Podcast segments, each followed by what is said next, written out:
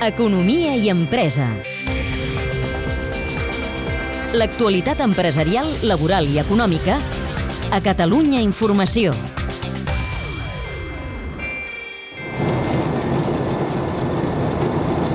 Som a la fàbrica de l'empresa Lavin d'Igualada, la Noia. Aquí es fan fertilitzants per les plantes i els cultius dels camps. Milers de paquets de fertilitzants en forma de granulats surten cada dia de totes les plantes de la companyia, però ens volem fixar en un adob concret, unes petites boletes o granets de color fosc que d'entrada no sembla que tinguin cap diferència amb la resta, però i tant si la tenen. Estan fetes de pèl d'animal.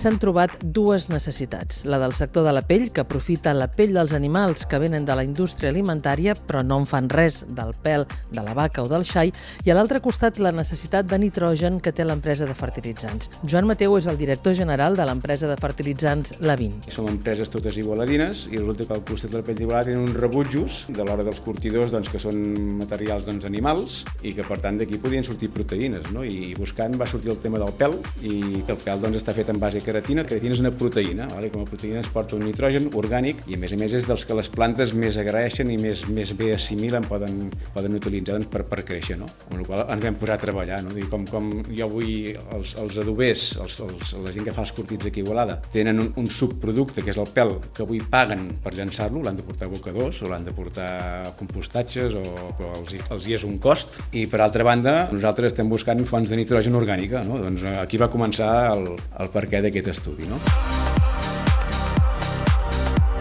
La idea és la de tancar el cercle, fer economia circular. A partir de la idea comença la investigació, un any de proves per trobar la manera d'aprofitar la keratina que hi ha en els pèls i fer-ne granulats pel camp. Tot el pèl s'aprofita absolutament tot. I l'avantatge és fer servir només processos mecànics i tèrmics. Si, si féssim un procés químic, tindríem una transformació del qual ens quedaríem al producte poc, però normalment sempre hi ha un rebuig. No? Quan fas un procés químic sempre hi ha una reacció que s'obtenen diverses coses, que algunes s'aprofiten i altres no.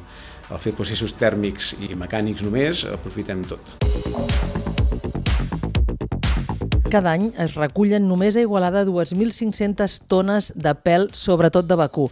Un gran problema per les empreses que s'agrupen al barri del Rec d'Igualada, al costat del riu Anoia. Totes anaven abans a l'abocador, pagant, ara ja no. Deixen el pèl a les instal·lacions de l'empresa Lavin. Jordi Vidal, director del clúster de la pell, al Leather Cluster Barcelona, recorda com això ja s'havia intentat abans. Hi ha estudis de fa aproximadament uns 30 anys en què des del Gremi de Blanquers d'Igualada i amb un projecte en el de la Diputació de Barcelona s'havia comprovat que el pèl tenia una capacitat de, combinat amb altres elements, de ser un adob orgànic.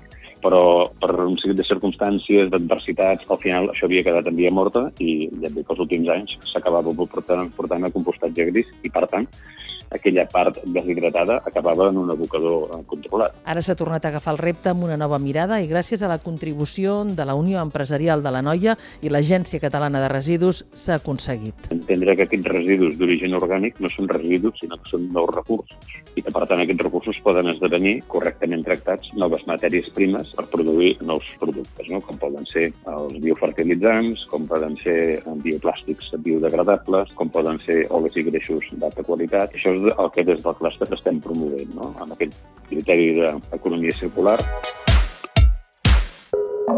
És un reportatge de Montse Gené, muntatge musical de Miquel Guiu. El teniu ja disponible al podcast de l'Economia i Empresa. Economia i Empresa. A Catalunya Informació.